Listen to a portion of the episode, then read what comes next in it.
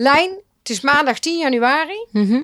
We zijn al vanaf augustus bezig dit vorm te geven. Een podcast over wat wij allemaal meegemaakt hebben in ziekenhuizen. Ja.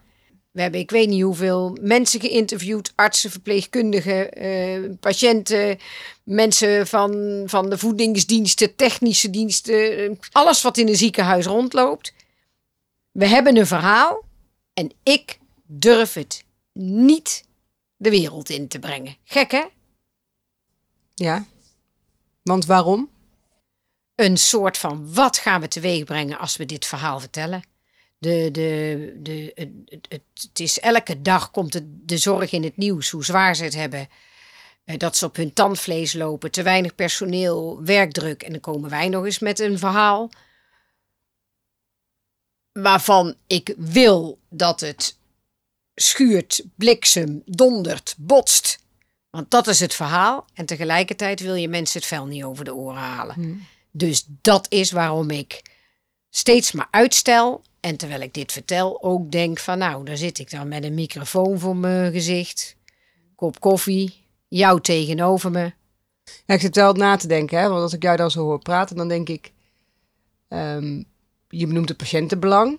Ja, Dat is het grootste belang, denk Ja. ik. Dat zou ook voor alle medewerkers in een ziekenhuis het grootste belang moeten zijn. ja, Datgene wat wij meemaken, horen, eh, schuurt daartegen. Staat er soms haaks op, Staat er ja. soms haaks op. En nu durven we het niet kenbaar te maken vanuit een soort eigen belang. Wat krijgen we over ons heen? aha. Dus je zet eigenlijk je eigen belang Ja, tegenover het patiëntenbelang. Ja, dan, Ja. dan komt bij mij meteen wel de vraag, wat is belangrijker? En ik denk Ja. dat, dat die afweging, dat dat niet alleen voor ons geldt, maar dat dat voor heel veel medewerkers in de zorg ook geldt. In hoeverre zet je soms je eigen belang bovenaan Ja. ten opzichte van het patiëntenbelang? Of dat je denkt, ik moet het leuk hebben met die collega, dus dan doe ik dat maar niet. En dat gaat ten koste van de patiëntgerichtheid en Ik mensen doe maar mee. zorg. Ja, en dat is wel steeds het vraagstuk waar wij zitten van waarom durven mensen binnen de zorg elkaar zo slecht daar ook op aan te spreken. Hè? Dat stukje feedback geven aan elkaar. Echt bespreekbaar maken wat er op de werkvloer speelt. Dat, dat gebeurt maar weinig. binnen alle lagen hè. Ja, terwijl wij ook zien dat een heel groot percentage van zorgmedewerkers juist die patiënt voorop wil zetten. Nou ja, we gaan het doen. Daarom zitten we hier toch? Ja. Dit zijn Corrie en Madeleine, theatermakers. Al jaren komen ze over de vloer bij ziekenhuizen door het hele land. Om te, zoals ze dat zelf noemen, thealeren.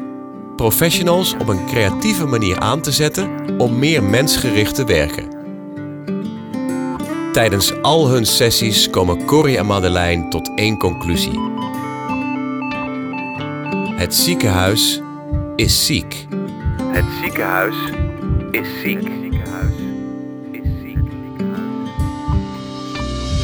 In deze podcast proberen we een diagnose te stellen en te kijken wat er nodig is voor genezing. Sommige pleisters moet je er hard aftrekken, een andere keer helpt een subtiele massage. Of alleen al iemand een spiegel aanreiken. Het ziekenhuis is ziek. En dit is de eerste aflevering, Afhankelijkheid. Met straks een aangrijpend verhaal van Wim en zijn vrouw. Het geeft je een, eh, een gevoel van doe ik er hier eigenlijk wel toe? Maar elke aflevering begint met een persoonlijke brief. Een brief die nooit verstuurd is, maar eigenlijk wel verstuurd had moeten worden. Geacht ziekenhuis. Mijn naam is Wilma van Brummen. Ik ben de dochter van Els van Brummen, een patiënt van u. Enkele weken geleden verbleef zij kort bij jullie nadat zij door een val haar heup gebroken had. Mijn moeder is een hele lieve, actieve vrouw van 76 jaar die nog midden in het leven staat.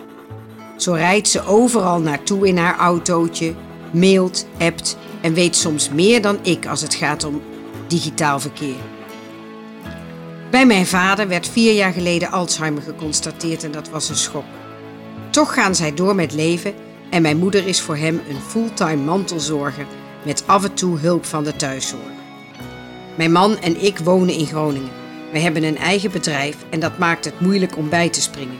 Je rijdt niet even naar Brabant. Mijn moeder klaagt nooit. Ze heeft een lieve buurvrouw die een oogje in het zeil houdt als mijn moeder haar geliefde tennisuurtje heeft. Uitgerekend tijdens dat uur brak zij haar heup. Het zette haar hele leven op zijn kop en ze heeft het er nog steeds bijna dagelijks over. Ze werd met de ambulance naar de spoedeisende hulp gebracht. Daar was het een drukte van je welste. Ze lag tussen twee gordijnen en kon door de spleet van het ene gordijn een man met een bebloed gezicht zien. En dat kwam binnen bij haar. Tegelijkertijd was het een komen en gaan van mensen aan wie ze steeds hetzelfde verhaal moest vertellen naast haar naam en geboortedatum. Bloed prikken, bloeddruk meten, röntgenafspraak maken enzovoort enzovoort. Mijn moeder had maar één zorg, mijn vader. Over haar hoofd werd gediscussieerd. Opereren, wanneer opereren, welke afdeling, waar is er een bed vrij? Ze raakte van binnen in paniek, vertelde ze mij, maar had volgens haar weinig mogelijkheid iets te delen, want de contacten waren vluchtig. De doortastende buurvrouw was inmiddels gebeld van de lijst met contactpersonen en regelde snel een oplossing. Mijn vader werd opgenomen op de crisisopvang van de thuiszorg. De buurvrouw kwam naar de spoedeisende hulp om haar dit zelf te vertellen nadat ze mij had ingelicht over de mogelijkheden. De boodschap kwam hard aan. Schuldgevoel en radeloosheid namen bezit van haar. Inmiddels was er een kordate verpleegkundige van afdeling orthopedie gearriveerd. Zij hoorde het verhaal van de buurvrouw en de reactie van mijn moeder, die in haar grote zorg van alles wilde weten. Hoe reageerde hij? Heb je hem het radiootje meegegeven, zijn puzzelboekje, het boek van de vogeltjes? De verpleegkundige sprak herhaaldelijk op mama in. Mevrouw van Brummen, u moet nu aan uzelf denken. Uw man is in goede handen. Ze herhaalde het nog een keer en mijn moeder hield haar mond. Ik was inmiddels onderweg om praktische zaken te regelen en mijn moeder kwam op een eenpersoonskamer terecht. Ze zou de volgende dag als eerste geopereerd worden. Het was druk, vertelde ze. En door de drukte waren ze vergeten de bel aan te sluiten, waardoor mijn moeder meer dan drie uur alleen gelegen heeft met haar grote zorgen om mijn vader. Op haar nachtkastje stond een kom onaangeroerde vanillevla, omdat op aandringen van de verpleegkundige zij wel iets moest eten. Ze zei me later dat ze zich nog nooit zo eenzaam had gevoeld. Een jong meisje deed na drie lange uren het opnamegesprek. Ze vroeg onder andere of mijn moeder bezwaar had tegen vrijheidsbeperkende interventies. Los van deze ingewikkelde vraag, die mijn moeder wel begreep, ontstond bij haar de angst op een delier, iets wat ze mee had gemaakt bij haar zus en wat grote indruk heeft gemaakt. Ik arriveerde om zeven uur, vijf uur na de val en opname en kon haar enigszins geruststellen, omdat ik begreep dat het goed ging met mijn vader. Om hem niet te verwarren hebben wij hem niet gebeld. Ze heeft het als verraad naar hem beschouwd en dat gevoel achtervolgt haar nog steeds. Toen ik bij mijn moeder kwam, rook ze naar ontlasting, omdat ze nog steeds niet op de po geweest was. Op de vla ontstond langzaam een vel. Op haar hand en arm zaten schaafwonden, met geronde bloed. Mijn hart brak, maar ik mocht van haar niks zeggen, want ze wilde geen stennis. De volgende dag is ze geopereerd en overgebracht naar een zorghotel voor revalidatie. Inmiddels zijn ze weer samen, herenigd, thuis. Ze maken het goed, maar ik weet dat ze deze periode niet goed kan verwerken. Ze voelde zich niet serieus genomen en vertelde mij dat ze nu weet dat dat zowat het ergste is wat je kan overkomen. Behandeld worden als een kind. En ze heeft het gewoon laten gebeuren, zegt ze. Wat u niet weet, want u kent ze niet, maar mijn vader en moeder zijn hele lieve mensen. Fantastische ouders. Mijn vader was een rots in de branding voor mijn moeder. En nu zijn de rollen gekeerd. Zij is nu zijn steun en toeverlaat. De liefde bindt hen, wat er ook gebeurt. Een lieve vader, een lieve moeder, mensen. Twee hele lieve mensen. Mensen. Maar die mensen zagen jullie niet. Jullie zagen een casus. Het ziekenhuis is ziek. ziekenhuis. Niemand komt heel zelfverzekerd in een ziekenhuis. Nee. Mensen doen soms wel alsof, hè, blazen hoog van de toren, maar ze zijn natuurlijk altijd nerveus. En zeker als je bij de dokter uit de kamer stapt en die zegt: gaat u maar naar bureau opname en ze zullen u daar verder vertellen hoe de gang van zaken is. Dus toen eh, ik nog werkte als opnamefunctionaris, had ik mensen aan het bureau die zo bij de dokter eh, vandaan kwamen. En dan ehm, probeerde ik zelf altijd, maar dat probeerde ik ook altijd eh, de mensen, eh, de medewerkers eh, eh, mee te geven, hoog in het vaandel te hebben. Zo van besef dat, dat degene die nu komt altijd nerveus is, altijd een akelig bericht te horen heeft gekregen. Dat kan een liesbreukoperatie zijn, maar voor diegene is het gewoon een groot iets. Als je nooit iets hebt meegemaakt, dan is een liesbreukoperatie ook zwaar. En dat is niet op leven en dood, maar het is altijd categorie niet leuk. En hou daar rekening mee als je iemand tegenover je hebt. Hè? Ja. Eh, eh, en duidelijkheid geven. Het is misschien wel leuk om eventjes te vertellen dat we hier eh, ergens in Nederland zitten, bij Wim.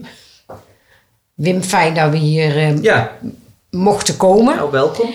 Het zonnetje schijnt. Zo is we hebben hier een prachtig uitzicht. En er staat een taartje op tafel. nou, mooier kan niet. En eh, jij, jij, jij begon al heel mooi. En eh, jij hebt een van onze programma's bezocht. Ja, Waarin we, ja, dat hele, wij noemen het eh, het onderwerp menslievende zorg. Mhm. En toen kwam jij na afloop naar ons toe en je zei: Ik zou er wel een boek over kunnen schrijven als zorgprofessional. En toen vertelde je ook dat je het ziekteproces, eh, toen beschreef je ook in het kort het ziekteproces van je vrouw. Dat haalde je net heel even aan. Hè? Je Ja. zei het gaat over, eigenlijk heeft zij twee keer. ja, ja precies. Twee keer eh, was zij eh, wel in hetzelfde ziekenhuis. Eén keer is tien jaar geleden, de andere keer is vrij recent geweest. Dan besef je, als je zelf in dat ziekenhuis werkt, opeens dat je aan de an- andere kant van de streep staat of Ja. zit. Ehm, ik heb haar weggebracht en ik ben naar huis gegaan en ik zou haar weer ophalen. Het was een onderzoek wat, ehm, wat langer duurde en eh, waarvoor ze een roesje kreeg enzovoort. Zij belde mij, eh, je, moet, eh, je kan me opkomen halen, maar we hebben meteen een gesprek met de arts. En zij is verpleegkundige, ik niet, maar ik werk in de ziekenhuizen. Ehm, dan weet je meteen, oké, dit is foute boel. Dan zit er een slaperig iemand eh, bij de dokter aan tafel, zijnde de patiënt die net uit, uit, uit de roes is. Eh, ik zit ernaast, oren gespitst, eh, toch gespannen tot in de vingertoppen. En nou, dan krijg je te horen van, ja goed, we hebben een tumor ontdekt en ehm, dat wordt sowieso, eh, moeten we opereren. En als ik het zo allemaal bekijk, zei die eh, eh, dokter ook, eh, zullen er blijvende gevolgen zijn in, in de zin van eh, hoe we moeten opereren enzovoorts. Ehm, hij zei ook, ik kan verder nog niets zeggen over chemo en of bestraling, maar dat zullen we uitzoeken enzovoorts. En ja goed, daar moesten wij, wij mee weg.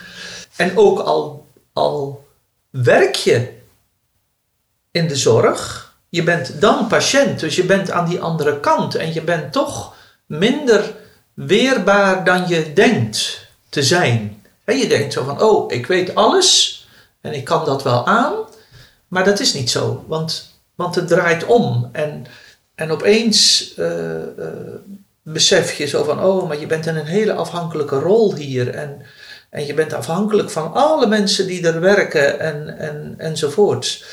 Maar ja, kijk, hoe dan ook, ik ben ook nog van de generatie eh, waar eh, eh, dokters ooit waren die, die eind van de dag, begin van de avond, even, oh u bent net geopereerd, kom toch even bij u kijken.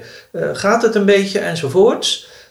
En ik wil helemaal niet zeggen dat vroeger alles beter was, maar dat, die kleine stukjes aandacht, die zijn, die zijn weg. Dat is, dat is verdwenen. Dat is, en, en eh, ehm,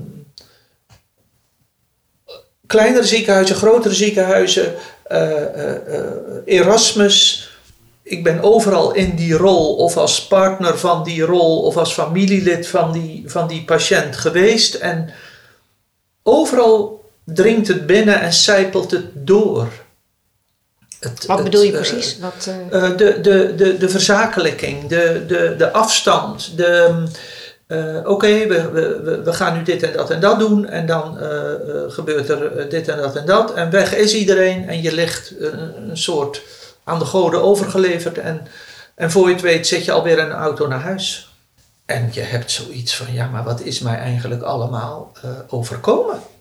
Het, het stuk aandacht voor en daarmee zorg voor die patiënt, ja, dat moet anders. En er zijn mensen, zoals de jonge man die ik noemde, mhm. die hebben het in zich. Die hebben het van nature in zich. Maar voor alle mensen die dat misschien iets minder van nature in zich hebben, die moeten het aanleren. En dat moet veel meer op de voorgrond staan. In de laatste plaats voor dokters. Die moeten allemaal leren sociaal vaardig te worden en te zijn. Ik ken, ik ken dokters die, die, die zeiden zo van ja, ik, eh, ik, ik ben niet aardig. Dus, eh, oh, je, je vrouw eh, komt op het spreekuur. Laat mijn secretaresse dan even zeggen, erbij schrijven dat het jouw vrouw is, want dan zal ik aardig zijn. Wat, wat, op het moment dat je zoiets hoort, Wim, wat voel je dan of wat zou je willen zeggen wat je niet gezegd hebt? ben je helemaal eh, eh, gek geworden. Want, want kijk, jij zal nu aardig zijn tegen mijn vrouw, maar tegen al die andere patiënten de hele middag ben je dus niet aardig. Want, en ben je kortaf. En, en, en nu zal je je best doen om- omdat je mij kent en omdat je misschien met mij samenwerkt en ook nog wat van mij wil. En zo van: oké, ik ken jou en we kunnen redelijk en we zullen dan maar eh, eh, wat aardiger voor jouw vrouw zijn, zeg maar. Ja, goed, zo, is het en zo zijn ze. En, en natuurlijk ook niet. De, de, de dokter die, die wij hadden voor het slecht nieuwsgesprek de laatste keer was een hele innemende, aardige, rustige man die, die het heel lastig en vervelend vond om dit slechte bericht te moeten vertellen. En de bestralingsarts, die toevallig dezelfde was als tien jaar geleden, die zei: Wat een pech, wat een pech dat wij elkaar nu weer hier treffen. Dan kom je anders binnen als in een zakelijk eh, eh, gebouw waar, je, waar misschien die arts je helemaal niet meer kent. En misschien heeft zij het, die arts heeft het terug zitten zoeken. Prima, dat geeft niet. Maar ze zei het wel. Ja. Dus dat, dat, is, dat is de goede kant. Hè? Want, want er zijn ook veel goede dingen en goede kanten. Maar we moeten die kanten die, die onderbelicht zijn, die niet goed gaan, die, die veel meer aandacht behoeven, die moeten we boven water halen. En daar moet wat aan gedaan worden. En ja, het, het, het, geeft je een, ehm, een gevoel van, doe ik er hier eigenlijk wel toe? Dat, dat is het. En dat tweede verhaal, Wim, hoe ging dat? Mijn vrouw zou bij ehm, de dokter, zij zou een, een uitslag krijgen van een onderzoek, eh, een regulier onderzoek, wat eh, twee keer per jaar na, de, na die operatie eh, moest plaatsvinden. Ehm, de dokter zelf zei: Ik ben die week afwezig. Je kan wachten tot na die week, maar je mag ook gerust even bij een collega, collega X. Eh, ja, wat zal ik doen? zei ze tegen mij. Ik zei, ja goed, dat is aan jou. Als je, als je je eigen dokter wil hebben, moet je die week wachten extra. En als je zegt van, ik wil die uitslag weten, dan doen we dat. Oké, voor dat laatste koos ze. Wij kwamen daar, totaal andere man, dat wist ik. Ook qua karakter, qua omgang, qua... Allemaal goed, prima, geweldig, eh, in orde, kan niet beter. eh, nou goed, eh, in en uit. Je bent natuurlijk met vijf minuten weer, weer weg. Dat is verder niet erg. Een soort juichstemming van het is goed, maar ze zei wat, wat is dit voor man? Die overroelt je, die, eh, het lijkt net of het allemaal niet echt is wat hij zegt. Wat, wat is, wat, wat, eh, zo van, heb ik er wel goed aan gedaan om naar deze man te gaan eigenlijk? Zo van, wat, eh, het, het, het is... Nou, zij vond het onecht overkomen. Ik zei, nou ja, goed, hij zal de uitslag hebben en zo is hij, zo ken ik hem ook. Goed, naar huis. De eigen arts was terug. En eh, ik loop eh, eh, over de gang daar en die roept me even aan. Zo van, oh ja, jullie zijn nog bij collega X geweest. Ja, en ehm, het... het ik zei, ja, dat is fijn. Maar ik zei, we hebben eigenlijk geen vervolgafspraak. hoe nu verder? voor wanneer weer een volgende controle. Dus nee, daar, daarom, daarom sprak ik hem even aan. Zo was het. Ik zei, en fijn, het was allemaal helemaal goed. Hij zei, allemaal helemaal goed. Wat bedoel je? Ik zei, nou ja, goed. Collega zei, wij in feeststemming. Hij zei, ja, maar dat is niet zo. Ik zei, ja, maar dat, dat kan je echt niet menen. Ik zei, we hebben net gisteravond de taart op met de kinderen om te vieren dat die uitslag goed was. Kinderen woonden toen nog thuis en, en waren middelbare school eh, en, en, basisschoolleeftijd. En kinderen vinden het. Wij proberen dat. Wij proberen dat te relativeren, maar kinderen vinden het spannend en die merken aan jou hoe spannend het is. En we wilden ook kinderen niet voor de gek houden, we wilden altijd wel eerlijk zijn. Ik zei, ja, maar dit kan je echt niet menen. Ik zei, wie gaat haar dit zeggen? Ik zei, ik niet. Absoluut niet. Inmiddels had ik de deur dicht gedaan en was ik bij hem op de kamer. Ik zei, dat, dat, hij zei, ja, dan zal ik ze nu bellen. Ik zei, nou, ze ligt nu voor een uitgebreide behandeling bij de tandarts in de stoel, dus dat kan niet. Hij zei, ja, dan bel ik ze later op de dag. Hoe laat is ze daar klaar? Dan bel ik ze meteen. Ik terugwerken. ja, goed. Nou ja, je snapt natuurlijk wel dat dat, ja, dat heeft impact als een, als een gek, als een donderslag, als een, als een doek wat valt. Want het was niet goed. En wat was het geval? De dokter in kwestie had verder door moeten scrollen op de computer naar beneden. Voor, zijn, voor de uitslag van het pathologisch lab. En dat was niet gebeurd. Toch zijn wij ook op zoek naar. Dan kom je thuis, dan zit je met z'n tweetjes aan de keukentafel. Of aan de tafel, wat ik net al zei, met de gebaksdoos nog in het zicht Ja. van het vieren. Ja. Wat, wat gebeurt er dan? Wat, wat voel je dan? Wat denk je dan? Nou, we waren vooral heel kwaad. Hoe slordig kan je zijn? Hoe kan dit gebeuren? Je, je, je bent kwaad, maar je, het is ook onmacht, want je wil hem de huid vol schelden, maar hij is, hij is hier niet. En je kan hem niet bellen. En, en, en, en je, wil, eh, nou ja, je wil geen, in die zin geen scènes maken enzovoorts. Maar je voelt je totaal ehm, niet serieus genomen. Alle vertrouwen is verdwenen.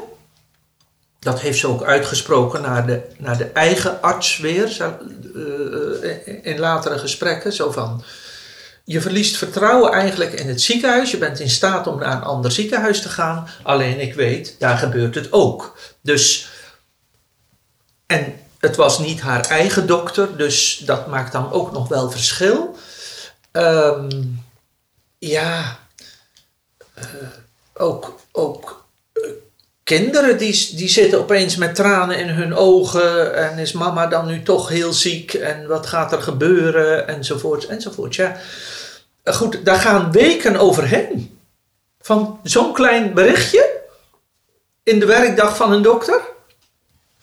Wij, wij hoorden een tijdje terug in een, in een interview. Dat is alweer een tijdje terug hoor, maar dat sprak ons wel aan. Toen zei iemand, ja, hoe, hoe ziek is het ziekenhuis? Ja. Misschien in andere bewoordingen, maar wij dachten dat is een mooie titel Ja. voor deze podcast ook. Ja. Hè? Hoe ziek is het ziekenhuis? Hoe ziek is het ziekenhuis ehm, volgens jou? In de breedste zin. In de breedste zin van het woord, omdat je ook zorgprofessional bent.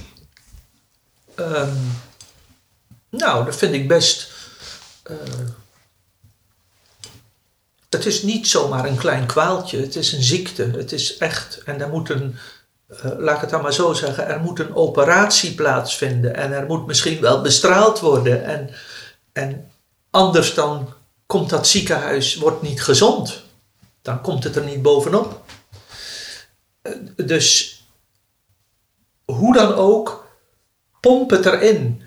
Ehm, van jongs af aan, van de opleiding wat mensen gaan doen af aan al. Eh, je, het is nou eenmaal een hele bijzondere wereld waar je in werkt, omdat je met mensen werkt die ziek zijn, die niet zichzelf zijn, die bang zijn, die, die, die, die eh, alles willen, behalve naar dat ziekenhuis gaan. Want je moet toch. Geloof dat dit een mooi moment is om even terug te kijken. Nou, sorry, ik zit nog even een boterham naar binnen te werken. Ja, wij zitten hier aan een crackertje, jij aan een eh, boterham tussen de bedrijven door. We zijn momenteel werkzaam in een ziekenhuis. Ik zag net, vond ik heel opvallend, zag jij dat ook, Lijn? Dat ze die man hier met het bed over de gang reden. Ja, het is bloedheet hoor, dus ik kan het me wel voorstellen. Zou die man lag gewoon in, een, eh, in zijn onderbroek. Dat nou niet bepaald een fraai gezicht. Nee, lijkt me Ik niet een prettig gevoel voor Ja. patiënt, maar goed. Maar ja, vooruit, dat zagen we even zo tussen de bedrijven door. We Ja. hadden afgesproken, als we nou een even nog een momentje hebben, kijken we even terug op eh, wat hebben we nou meegemaakt met die eerste aflevering. Ja, en wat vonden we nog waard om te delen? Hè? Er zijn een aantal dingen die je dan niet kan delen in zo'n Nee. ehm, Nee, aflevering. Terwijl ik wel denk, ja, we horen zoveel. En het is toch wel waardevol om daar een greep uit wel te delen. Dat, ja, dan denk ik dat er een paar dingen zijn die steeds terugkomen. Als ze ons vertellen dat er gesnauwd wordt tegen patiënten, zeggen van u moet nu ontspannen, terwijl mensen helemaal niet kunnen ontspannen omdat ze stijf staan van de spanning en dan ook nog pijn hebben. Mensen onteren. Ja, Ja, en ook dat er tegen die mevrouw die aan bevallen was, eh, die de taal niet goed sprak en die eh, in paniek was. Dat er dan wordt gedacht, en daar waarschijnlijk ook naar gehandeld, laten we eerlijk zijn. Van je moet maar één ding doen en doe dat dan ook, persen. Ja, daar schrok ik wel van. ja, daar kwam je toch voor, zei ze nog eh erachteraan.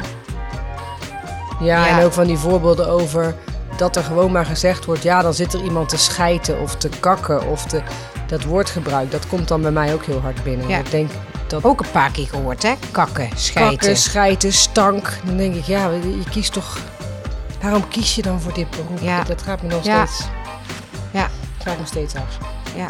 Wat ik heel erg heb gevonden is dat in de laatste programma's die we gedraaid hebben, in verschillende ziekenhuizen overigens, dat een, ja toch herhaalde malen naar voren kwam dat soms een bel buiten het zicht wordt gelegd, soms zelfs niet aangesloten, omdat ze dan eh, een rustige overdracht kunnen doen. Ik, toen iemand dat zei, toen dacht ik dat is niet waar. En toen kwamen er mensen die het eten verzorgen en die zeiden, oh, dan maken wij steeds mee. En in heel veel ziekenhuizen? Ja, Ja. En het En- gemak waarmee daarover gepraat wordt. En, en, en dan ook voornamelijk bij een best kwetsbare groep. Hè. Het, wordt, het is vaak bij geriatrische patiënten. ja. Weten het toch niet meer, even de bel een beetje Ja. wegleggen. En, en wat ik ook wel mooi vind, is dat zo'n voedingsdienst die dingen ziet. Hè? Want die we horen veel van voedingsdiensten en ook van schoonmaak. Eh, van, oh, die mevrouw moet plassen of die meneer die heeft hulp nodig. Ik roep wel even een eh, verpleegkundige. En dat er dan wordt gezegd, ja, dat is niet mijn patiënt. Of dat er wordt gezegd, eh, hij is al naar de wc geweest of hij wacht maar even. En dat ze dan een half uur later terugkomen en die man nog steeds niet naar de wc is geweest. Dat, eh, maar dat die voedingsdienst zelf ook hele rare dingen doet. Ja, als u twee kopjes koffie wil, dan moet u die nu tegelijk nemen, want ik kom niet meer terug. Ja. ja. Of als je iets wil van havermout. Of wat, je, wat ze gewoon hebben, maar ze willen niet extra lopen. Die Ja, voedingsdienst, dan krijgen ze het niet gewoon niet. Nee, het is natuurlijk heel gek. Hè? En helemaal als je nog steeds nadenkt over de kwetsbaarheid van die patiënt. Ja, Ja. Ja ik vind dat, ik vind dat best, eh, best stuitend. Ja. Ja, dan ben je dus echt afhankelijk als patiënt. Ook Ja. afhankelijk van wanneer de dokter komt, of je nieuws krijgt, of dat je je uitslag krijgt. Dokters die niet komen. je niet eens in het weekend verschijnen. Nee, terwijl familie daar zo dankbaar voor zou zijn. Nee, dokter komt niet in het weekend. Vond ik ook een heel ernstig verhaal. Dokter Ja. komt niet in het weekend. S'avonds overleed die man. Dat had, dat had niks te maken met dat die dokter niet kwam. Maar ik denk het is toch voor familie heel treurig. Dat ze dan altijd terugkijken op... oh, maar de dokter is niet geweest. Voor degene die jou zo lief is. Ja, en zo zijn er tal van voorbeelden natuurlijk. Ja, wat ik ook nog steeds frappant vind, en dat is een beetje ook... eh, eh, dat hoorden we al heel lang en hoorden we heel veel. Dat ook mensen bezig zijn met verzorging van een patiënt. En dat collega's gewoon maar binnenkomen. Gordijnen gewoon open doen. eh, even iets komen vragen aan een collega. Terwijl daar een patiënt in al zijn naaktheid ligt. Ja. Eh, dan, dan denk ik, ja, dat zijn wel... Dat is toch wel niet meer die dingen zien of zo. Ik weet niet waar dat aan ligt. Dat is toch wel een beroepsdeformatie. Routine. Eh, ja, routine geworden. Dus ik denk, nou... En zo'n patiënt ondergaat dat. Die, je ondergaat dat. Dat ken je van jezelf ook. Je denkt, Ja. nou ja, ik zal maar dit normaal vinden, want ja, wat moet ik anders? En ook ehm, dat over de hoofden heen praten van eh, patiënten af. En laten we Ja. eerlijk wezen. Hoe vaak hebben wij in wachtkamers gezeten? Wij gaan in wachtkamers zitten om te kijken van... eh, wat gebeurt er? En dan zien we in heel veel wachtkamers... dat eh, jij er weinig toe doet. Hè? Je zit heel lang en ze, ze, ze, ze merken je niet eens op. Maar achter die balie wordt wel allemaal besproken wat er in het weekend is gebeurd. De, de laatste dat wij in een wachtkamer nog gezeten hebben ter observatie om te observeren. Dat die mevrouw die enorme eierkoek zat te eten. Dat ik denk, nou. Ja, het is heel bizar.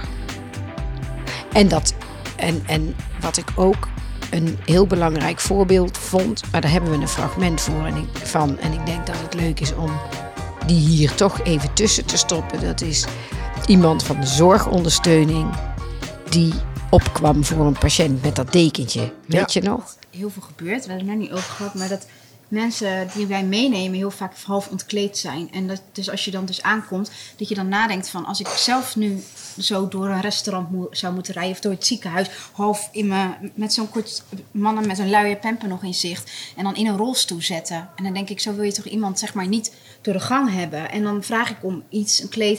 Ja, nou, daar hebben we geen tijd voor gehad hoor. En dan denk ik van ja, laten we dan alsjeblieft zorgen dat we dan zelf die mensen een klein beetje toedekken. Want ik vind het gewoon een beetje mensen, soms bijna een beetje mensonterend. Als iemand er zo bij zit, zeg maar. Ik doe er ook denken Ja, over. Ja, nee, maar dat moet je blijven doen Ja, ook, toch? hoor, Maar dan denk ik, ja, wat is dat nou? Dan liggen ze ook helemaal half ontbloot in bed. En soms komen ze ook uit een scan. En dan ligt, een, ligt er een BH achter op het bed. En dan moet je dan mee door, de, door het ziekenhuis heen. Ja, ik zou dat zelf niet prettig vinden. Denk ik, bedek dat dan een beetje of trek het iemand weer aan. Maar dat is allemaal snel, snel, snel. En ja, dat vind ik dan best wel eens. Denk, zou ik zelf ook niet fijn vinden, weet je wel? Ik vind ehm, met het oog op dat we naar de volgende aflevering gaan, hebben we net ook al een, eh, een bruggetje voor gegeven, hiërarchie. Ehm, vind ik het ook leuk om even terug te kijken naar de mooie dingen die we hebben gezien en meegemaakt. Waarvan we zeggen, dat is heel hoopvol. Ja. Wat staat jou nog bij? Nou, mij staat wel een voorbeeld van een arts bij ehm, die gewoon de fout toegaf. Dat klinkt misschien heel raar, maar ik denk Die dat dat... gynaecoloog. Ja, Ja. die gynaecoloog. Die eh, nou, had wel consequenties voor die mevrouw. eh, dat zij iets vergeten was door te geven. eh, maar die heeft daar wel echt excuses voor aangeboden. En die was ook echt oprecht daarvan onder, ondaan. Ja. Vond ik mooi. Ja. Ik denk dat zou meer moeten. Geef het maar gewoon toe. Ik, eh, ik herinner me die eh, IC-verpleegkundige... die zo'n oudere meneer op de afdeling had liggen... die geen familie meer had... en zich zo verschrikkelijk zorgen maakte om zijn hondje. Ja, ik, ik weet wel dat ik toen bijna tranen in mijn ogen had. Want zij vertelde... ik heb voor dat oude baasje, noemden ze hem... ik heb voor dat oude baasje geregeld dat dat hondje uitgelaten werd... en ook eten kreeg... Ik vond dat zo mooi. Maar ze gaf die man toch ook een glaasje water. Oh ja, omdat hij zo overstuur was. Terwijl eigenlijk mocht hij niks drinken. Maar zij dacht met de expertise... Ach, dat wordt straks toch goed. Dat komt wel Ja, goed. zijn weet maag wel. moet nog leeg Hop. gepompt of zoiets. Ja. Dus dat kan best. Dat vond ik ook zo lief. Ja. En op de IC, als we het over de IC hebben, dat, dat die mevrouw die zoveel jaar getrouwd was en dat ze van infuuszakjes of van materiaal. ja, daar hebben we geluid, eh, geluid van. Weet je wie me ook nog bijstaat? Schiet me nou even te binnen voordat we naar dat fragment gaan. Ehm, die eh, mevrouw van het bloedprikken, die laborante, die zei: ehm, Ik ben ambassadeur geworden op mijn, in mijn clubje. Ik wijs iedereen erop van patiënten komen hier niet ehm expres met een half vult eh, aanvraagformulier. Mensen komen hier niet aan de balie omdat ze expres zich niet gemeld hebben met hun code. ehm. En iedereen wil gewoon geholpen en die, worden. ja, dat zei ze. Ja. Ik vond dat, ik vond dat zo'n schatje. Ja. En als ik die dan ontmoet, hè, we kunnen zo nog wel een paar voorbeelden geven, denk ik, van mooie, eh, liefdevolle zorg. Ik weet nog die, die verpleegkundige die terugkwam eh, van een, van een eh, OK, of, of, of ze had iemand naar de OK gebracht. En dat ze tegen die mevrouw zei: Ik breng je liefje zo meteen weer terug hoor. Gewoon van die lieve menselijke dingetjes. Of die arts die in de wachtkamer een patiënt zag zitten die later aan de beurt was. Maar hij wist wel dat de uitslagen goed waren. Een patiënt met kanker.